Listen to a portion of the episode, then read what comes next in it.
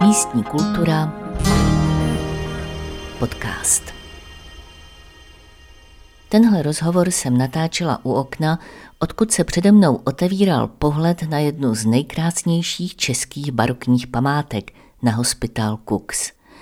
Z jednoho břehu Labe, kde za Františka Antonína hraběte Šporka bývaly lázně a jeho rezidence, je z roubeného domu Stanislava Bohadla vidět přes řeku monumentální stavba někdejšího domova pro vojenské vysloužilce.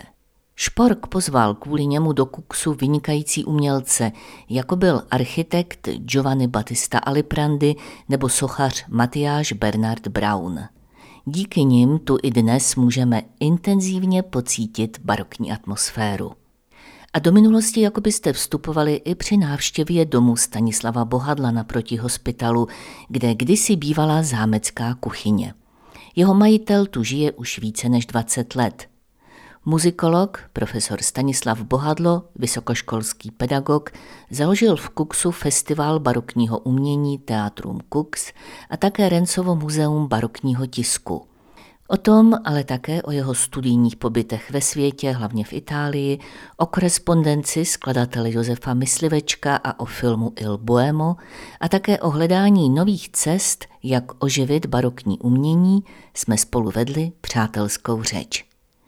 A když mě na úvod trochu slavnostně vyzval, abych se posadila do křesla u okna, dobře už předem věděl, že mě tenhle pohled ohromí. Nakonec nejsem první, komu se tu líbí. Ten výhled mi tady zhodnotil již zesnulý profesor Horina, historik eh, architektury, který mi napsal tady do té pamětní knihy, že hodnota domu se podle starého čínského přísloví měří výhledem z okna tak jsem dostal největší známku. A je pravda, že ten pohled, který se eh, mění během dne a v průběhu ročních období, je tak přitažlivý, že když tady sedím, tak nemůžu psát, jak se pořád dívám ven. Ale na druhé straně, když tady někdo jiný sedí, tak většinou mu to ku podivu velmi rozvazuje jazyk a stává se i ze zamlklých lidí vypravěč. Pamatujete si doby, kdy ten výhled nebyl takhle utěšený, protože v podstatě celý ten obrovský objekt už je opravený? Ano, někdy v roce 2012 v Boloni na letišti jsem otevřel průvodce Go Europe, myslím, Česká republika, a tam bylo napsáno nakonec výčtu těch uměleckých a architektonických památek barokních, že eh, návštěvník, který se ocitne v Kuksu, eh, se nemůže zbavit dojmu, že se ocitl omylem ve scenérii hororového filmu. Takže já jsem zažil Spíš tady ten lázeňský břeh, ten teď získal hodně na té dlažbě nové a, a vůbec Rencovo muzeum, které teď provozujeme na nábřeží u mostu. Z něho vlastně zůstala před rekonstrukcí jedna jediná zeď a celý ten objekt, byť to byla národní kulturní památka, se vlastně zřítil a hrozilo tehdy už i propadnutí té klemby ve sklepě. Já jsem se někde dočetla v rozhovorech s vámi, že vás vlastně do Kuksu, k tomu, že vy jste se tady usadil, že vás k tomu paradoxně dovedl pobyt ve Spojených státech, kde se vám zdálo, že je té historie nějak málo. To pochopí jen člověk, který by to sám zažil, protože vás to nenapadne eh, dříve, než eh, žijete nejenom ve Spojených státech, řekněme v kterékoliv jiné eh, kulturní oblasti, kde se nepotkáváte s těmi architektonickými, historickými prvky, kapličky, křížky, zámky, kostely. Ale pak vám najednou přijde, že tam něco chybí a já jsem to opravdu vnímal jako takový nějaký deficit. A pak, když jsem se vrátil a shodou okolností jsem tady v Kuksu prováděl skupinu profesorů z Georgia College v Georgii a jedna dáma se ztratila v Betlémě, já jsem tady čekal, tak jsem se ptal, jestli tu není chaloupka eh, nějaká na prodej a tady těmi náhodami eh, se mi podařilo, že jsem od toho roku 2000 mohl vlastně dohánět ten deficit kulturní ze Spojených států. Vy máte ten dům, tu bývalou zámeckou kuchyni, úplně přeplněnou vším možným, takže jenom jsem tam, třeba tady starý hudební nástroj, co to vlastně je? No, je, je to takový typ eh, trumšajtu, nebo jednoduchého eh, basového nástroje, který se podobá té mechanické harfě tak jenom ten vlastně dokládá, že jsme se ocitli v obydlí muzikologa a hudebníka. Mohl byste mi něco povědět o té své dráze hudební, kde začala někde už na lidové škole umění? Na Zušce začala tak, že rodiče mě dali na klavír, ale o rok dříve než ostatní děti a já jsem zažil ta můka. Jednak jsem ještě neuměl psát a v nauce se už učili psát noty. A pak jsem se půl roku učil postavení ruky na klaviatuře a pořád jsme nehráli, takže jsem pak rodiče uprosil, aby mě ze zušky vzali a, a já jsem skončil svůj hudební zájem. Sami byli muzikanti? Oni byli takový lidoví muzikanti, rádi zpívali ale eh, já jsem teda nesmírně trpěl. Naopak pak na téže umělecké škole jsem se potkal s učitelem panem Viktorem Špráchalem, houslistou, který mě ovšem učil klasickou kytaru a to byl naopak zase člověk naprosto muzikantsky spontánní a eh, možná už po první hodině jsem hrál vlastně nějakou písničku a tak eh, to mě velmi učarovalo. Navíc mě přivedli ještě k takovým romantickým tématům. On sám se zabýval poezí, maloval, četl hodně a my jsme před 55 eh, lety postavili u náchoda v takovém údolí, peklo se mu říká, takový skautský srub, takový neoficiální skautský srub, takže my jsme se tam scházeli a to byl začátek toho hudebního zájmu skrze eh, tady toho vynikajícího učitele. Pak jsem po gymnáziu tedy vstoupil na studium historie a hudební vědy, tehdy na univerzitě Purkyně, nyní Masarykově v Brně.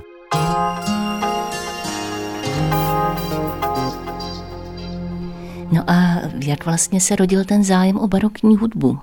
No, byla to oblast, která mě svým způsobem fascinovala a vlastně víc a víc s tím, jak jsem se o dějiny hudby zajímal a nakonec jsem si zvolil téma barokního skladatele, člena minorického řádu, jmenoval se Bernard Artofeus. A to byl vlastně učitel Bohuslava Matěje Černohorského. A tehdy ještě nebyly proskoumané eh, všechny ty latinské prameny eh, třeba ve Vroclavi, tak eh, tam jsem i zažil to napětí a tu detektivku s tím, že se vám dostávají do ruky prameny latinské, které ještě nikdo nečetl a vy z nich můžete sestavovat tu monografii a vlastně jakýsi hudebně historický profil této osobnosti. Můžete to dělat, když tomu rozumíte, a teď myslím i po stránce jazykové, a vy asi umíte řadu jazyků. Před chvilkou jste mi tady ze svých stěn četl německé nápisy, to by taky každý nerozluštil. No ano, to je, myslím, jedna z těch hlavních bran i k chápání světa. Když jsme tady v tom kuksu, tak eh, Špork samozřejmě eh, mluvil německy i česky, italsky, francouzsky, latinsky. Já myslím, že to je docela důležitý moment pro vnímání odlišností všeho druhu, protože ten jazyk je vlastně nenahraditelnou branou do kultury toho, kterého národa nebo kultury oblasti pro mě to je tedy velmi eh, vzrušující, moc mě to zajímá. V té Itálii, kde jste potom byl v 80. letech, tam jste se hned domluvil? Ty začátky jsou takové těžké, to je samozřejmě, ale když je člověk sám v té zemi, tak musíte vlastně se domluvit alespoň na ty základní věci a pak, jak se to na vás valí ze všech stran, tak sice vás bolí hlava, ale pak se vám najednou po měsíci začne zdát sen v té italštině a to už je vyhráno. No. A byl to důležitý pobyt pro vás, ta Itálie, pak přišly ještě další a další země, tak eh, která ta země vám dala hodně? Ano, bylo to stipendium italského ministerstva zahraničních věcí a bylo to neuvěřitelné, vlastně to byla výjimka. Já jsem měl příležitost objíždět ty archivy a to byl i důvod, že jsem mohl mimo jiné schromáždit korespondenci, zejména v Boloni, a k tomu ještě jsem dělal výpisky z dobových novin o Josefu Myslivečkovi a to vlastně pak vyplynulo v tu edici Myslivečkovi korespondence. A jste asi čerpal režisér Petr Václav, když dělal ten film. Vy jste taky na něm spolupracoval. Ano, tady jak sedíte, tady přijel po telefonátu předběžném Petr Václav, že dostal doporučení, abychom se sešli v roce, myslím, že to tady bylo 2011, neli dokonce už 10. A tady mě seznámil s tou svojí představou, že bych chtěl vytvořit, řekněme, velkofilm, který dnes už existuje jako Il Boemo a jednak jsem mu daroval tu edici Josef Mysliveček v dopisech, No a e, faktem je, že i teď e, při těch rozhovorech při premiéře na to vzpomínal, tak z toho jsem měl radost. On řekl, že to pro něj byl takový největší impuls, takový ten touch, ten dotyk vlastně s tím myslivečkem, byť pro něho, který konstruoval ten scénář právě na tom segmentu cherche la femme, řekněme, tak těch osobních věcí se nezachovalo ani málo, ani minimum v té korespondenci, tam vlastně není žádná, že se všechny týkají, ty dochované, že se všechny týkají v zásadě jenom těch eh, profesních eh, věcí a navíc ještě mysliveček byl velmi stručný. Objevila se kritika, že ten film vlastně nemá nějaký velký dramatický příběh nebo že ho nemá dostatečně rozvinutý. Jak vy se na to díváte? Je to dobře, že to je tak trošku dokumentárně pojato? Mělo se tam ještě něco přimyslet? A jaký byl vlastně váš podíl na tom scénáři? Tak eh, začnu od konce, jak jsem řekl. Já jsem tady vlastně eh, možná i toho Petra Václava přivedl ke studiu těch eh, dobových pramenů ale on na to myslel zřejmě už sám. On totiž přečetl, tehdy vyšly francouzský kompletní paměti Kasanovi komentované, to jsou dva metry knížek pomalu, ale on přečetl i Goldoniho paměti, Gociho, prostě on načetl nesmírně pečlivě všechny ty italské reálie, které se točily kolem toho divadla a kolem toho uměleckého světa, tak v tom je to autentické a Myslím, že se to právě i prostřednictvím tohoto rastru, řekněme, dostalo i do toho obrazu. A na druhé straně tam samozřejmě je autorská scenaristická fabulace těch příběhů. V některých těch situacích to ale samozřejmě dramatické je a myslím, že byť to nemůžeme doložit, ale tam je to napětí, že vlastně vaše kariéra závisí na tom, jestli ta dáma, která vám teď projevuje nějakou náklonnost a chce vám nějak pomoct a do jakých důvodů, jestli ona nakonec splní to slovo a to byla tak nejistá doba. Mysliveček v tom byl vlastně jediný z Čech, který něčeho takového dosáhl a vlastně se skutečně dostal k těm zakázkám na italskou operu a řekněme, že bez přehánění byl jedním z deseti v těch 70. letech 18. století skladatelů, kteří skutečně tvořili repertoárový základ italského operního divadla nejenom v Itálii, ale vlastně třeba i v Portugalsku a v jiných zemích. Představoval jste si Josefa Myslivečka jako Vojtěcha Dyka? Ne, ale mm, já jsem byl velmi rád a teda musím uznat, a to mi všichni potvrdí, ti, kteří viděli tu vlastně originální verzi, nedabovanou do češtiny, tak tam se mluví italsky, německy i česky, tak ta italština tam je tedy fenomenální, jako tam byste nepoznala, že to nemluví ital.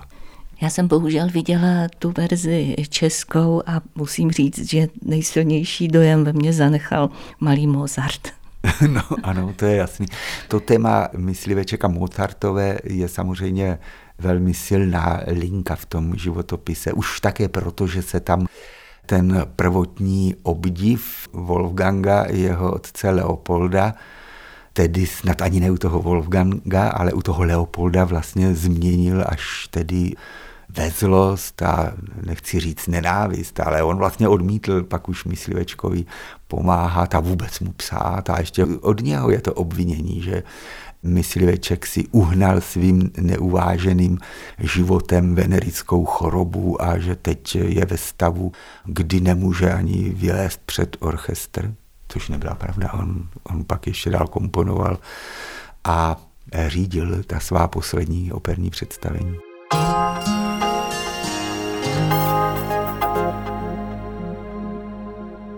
Když jste zmínil před chvilkou tu těžkou situaci umělců závislých na přízni těch bohatých lidí, no tak tady vlastně se díváme na stavbu, která taky je zrozená díky mecenášství. A vy jste se i tím mecenášstvím šporkovým hodně zabýval? Ano, to je výjimečná osobnost v tom kulturním životě samého konce 17. a počátku 18. století, protože Špork, František Antonín Hrabě Špork, eh, jak známo, byl synem generála Šporka, který získal kariéru společenskou, ale také velký majetek eh, díky vojenské dovednosti a kariéře a ten jeho syn František Antonín je vlastně úplný opak nějakých těch ambicí vojenských, dokonce i těch oficiálních úřednických. On byl místodržitelem v Praze, ale vlastně odmítal tam docházet a tak dále a formálně byl tajným radou císařským, ale to byla víceméně opravdu eh, formální. Navíc byl s tím císařem také ve sporech i soudních, ale já jsem teďka nedávno získal a Pavel Price, náš největší eh, historik, eh, šporkolog, můžu říct, eh, mi potvrdil, že je to unikát z roku 1698, taková grafika, anonymní, takový jako triptych to vypadá a na prostředku klečí špork před Bohem a Bůh má kolem sebe sedm svíc. A po levé straně je taková koláž ze sedmi bitev vítězných eh, toho generála Johana Šporka a po pravé straně je koláž sedmi staveb, které Špork eh, do toho roku 98 postavil anebo plánoval postavit. Tak eh, tam je třeba ta kaple tady, ta Kukská nad pramenem, nebo ta Hubertová ve Starém plese, nebo ta vyhlídka na Malešově a tak dále. A to je přesně, říkám to ze široka, ale to je ta odpověď. Je tam špitál v Konojedech. Špork nepostavil jenom v Kuksu špitál, hospitál. To je přesně ono. Ten šport každopádně věnoval obrovské úsilí tomu světu literatury, vědění, filozofie. Té knihovně tady v Kuksu říkal dům filozofů nebo dům moudrosti. A on byl takovým vlastně Šalamounem možná, zatímco jeho otec byl tím Davidem, také ho tady máme, toho Davida a Goliáše Brownovi sochy v Kuksu, který přemohl vlastně přesilu. Ale ten šport přemohl všechny ostatní. On začal pak vydávat knihy. On vydal 160 titulů nejrůznějších formátů, rozsahů. I nákladu, který sahali až do tisíců, knihy, které měly až tisíc stran a ty knížky on, co myslíte, prodával? Ne, všechny rozdával. A sám také říkal, že tím vzdělává své poddané. Takže věnoval obrovské peníze na mecenářství ale jak to udělal, že on měl ten cit, od koho si nechal poradit, nebo měl tu intuici, že tady Brown vytvořil tehle zázrak, nebo Ali Prandi, ten druhý, nebo Renz, ten třetí, a že tady byla italská opera, a tím začaly dějiny italské opery v Čechách v roce 1724, že tady psal divadelní hry Rademín, a tím začala komická opera navazující na komedii dell'arte a takhle bychom mohli pokračovat. Myslíte, že on měl nějaké velké ambice třeba ovlivňovat eh, to, co zadal umělcům, kteří tady tvořili tu krásu? Že jim do toho mluvil? Jo, jo, já myslím, že jo. Já myslím, že jo, dokonce díky Zémanovi, to byl jeho hofmistr, který také vedl každodenní zápisky, co se dělo v tom eh, běžném eh, dni, tady v Kuksu nebo v Lise nebo prostě na cestách tak to víme. A třeba titulní list ke křesťanskému roku, to je možná největší cyklus myslím, i Rencových ilustrací z roku 1735, obrovské dva folianty, každý asi 900 stran, 300 ilustrací, tak tam je titulní list vítězného křesťanství který stoprocentně podle těch eh, záznamů Špork s tím Rencem vlastně konzultoval, co tam bude. A je to taková vítězná křesťanská církev, ta alegorie, ta dáma, která šlape levou nohou na pohana a ze srdce Kristova míří paprsek na žida, který se kryje rukou proti tomu paprsku a pak tam je pět dam jako alegorie světadílů, které děkují e, za šíření víry. A to víme, že ten Renz to vlastně udělal podle těch instrukcí. Co vás to napadlo e, otevřít Rencovo muzeum? No Renz e, si myslím, že byl eh, neprávem ve stínu Matyáše Bernarda Brauna a vždycky, když se mluvilo o Kuksu, tak automaticky se mluvilo o Braunovi. Zatímco Jiří Šerých eh, Rence považuje skutečně za jednoho z největších eh, měděritců, grafiků v těch barokních Čechách. Mimochodem Špork, když mluvil o Brownovi tak říkali jenom Bildhauer Brown, suchař Brown, jako kdyby to byl řemesník. A když mluvil o Rencovi, tak říkal Meinhof Kupferstecher, můj eh, dvorní mědiritec, což bylo tedy dáno svým způsobem i tím, že Renc se tady usadil a pracoval vlastně jenom pro Šporka a ještě to nestíhal, zatímco eh, Brown jsem tedy zajížděl a paralelně ještě řídil celou řadu dalších projektů. Takže jsme ho chtěli tak trochu rehabilitovat a já už jsem vlastně před eh, tím, než jsme začali opravovat tu ruinu, tak jsem věděl, že by to mělo být eh, Rencovo muzeum a také jsem vlastně už v té době se zajímal o ty tisky a schromažďoval jsem je, takže jsme nakonec vytvořili expozici a tak se každou chvíli ještě objeví věci, které nám ten obraz dokumentárně zpřesňují.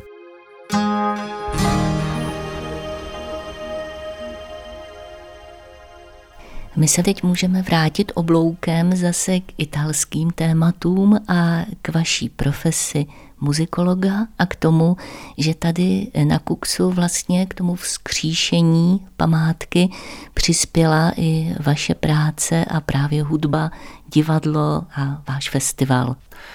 Ano, ten Kuks byl pro mě přitažlivý z mnoha důvodů, ale jeden z nich, o kterém jsem vlastně ani tolik podrobností nevěděl, byly právě ty hudební dějiny. Zmínil jsem ten klíčový moment, kdy jsem přicestovala z Benátek italská operní společnost Denciova, hrála tady operu 1724 na konci léta a pak se přesunula do Prahy a vlastně deset let tam saturovala italský operní divadelní provoz pro veškerou šlechtu pražskou.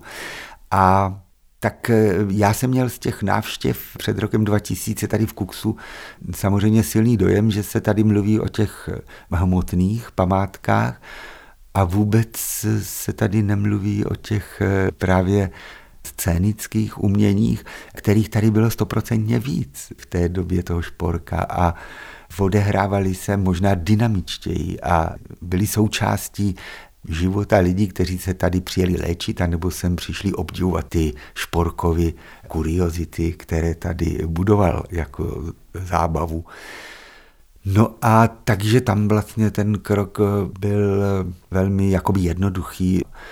My jsme zjišťovali, že je spousty vlastně materiálu, které souvisely s tím hudebním provozem a zájmy šporka, takže jsme vlastně vlastně ani nikdy nevyčerpali tu motivaci a stejné to je i s divadlem. Tak vlastně se vynořilo obrovské množství témat, které vlastně už 22. rokem také systematicky zpracovává ten soubor Geislers Hofkomedianten, což je jeden ze skutečných historických názvů jedné takové profesionální divadelní skupiny, kterou také Špork podporoval nebo objednával nebo využíval a oni se systematicky vlastně zabývají už profesionálně tady těmi tématy.